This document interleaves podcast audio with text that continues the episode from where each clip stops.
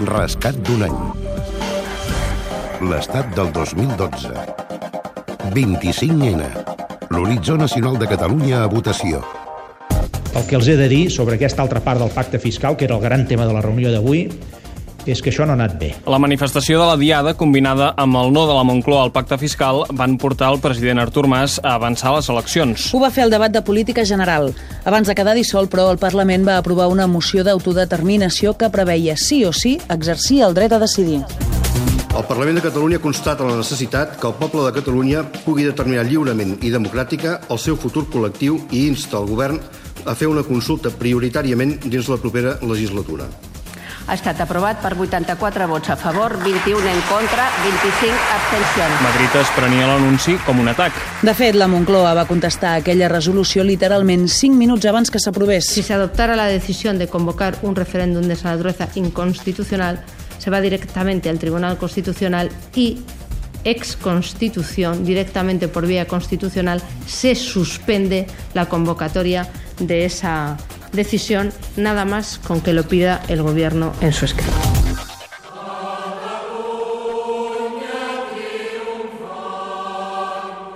La legislatura acabava amb el cant dels segadors i a partir d'allà precampanya i campanya fins al 25N. La primera part de la cursa va estar centrada sobretot en el debat nacional.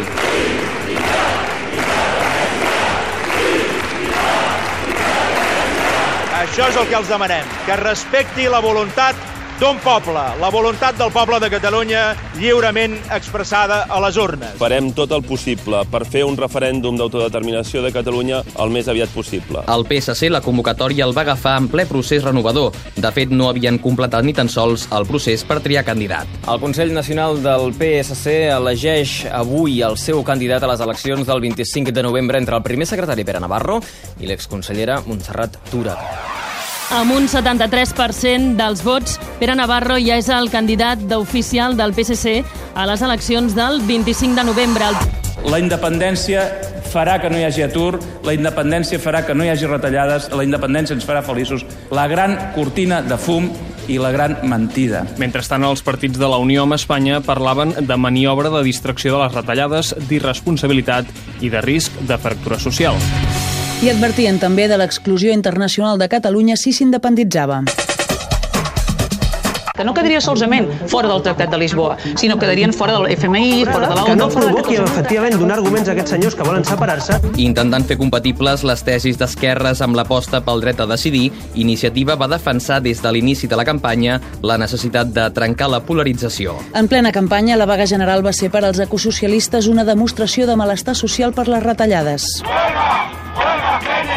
I aquells que diuen que respecten la vaga, la gent li està de dir que respectar la vaga és canviar la política, 180 graus. Amb totes les enquestes advertim d'un nombre d'indecisos elevadíssim, l'última setmana de campanya es presentava clau per fixar les posicions de cada partit. I llavors va aparèixer la polèmica per les filtracions del Mundo. Quien tiene que comparecer es quien tiene cuentas en Suiza, eh, no declaradas. Una cosa és que em vulguin legítimament substituir i una altra cosa molt diferent és que es posin al costat de tots aquells que em volen simplement destruir. Vagi al notari a fer constar que no ha tingut ni té cap compte Suïssa, a Liechtenstein, a cap paradís fiscal.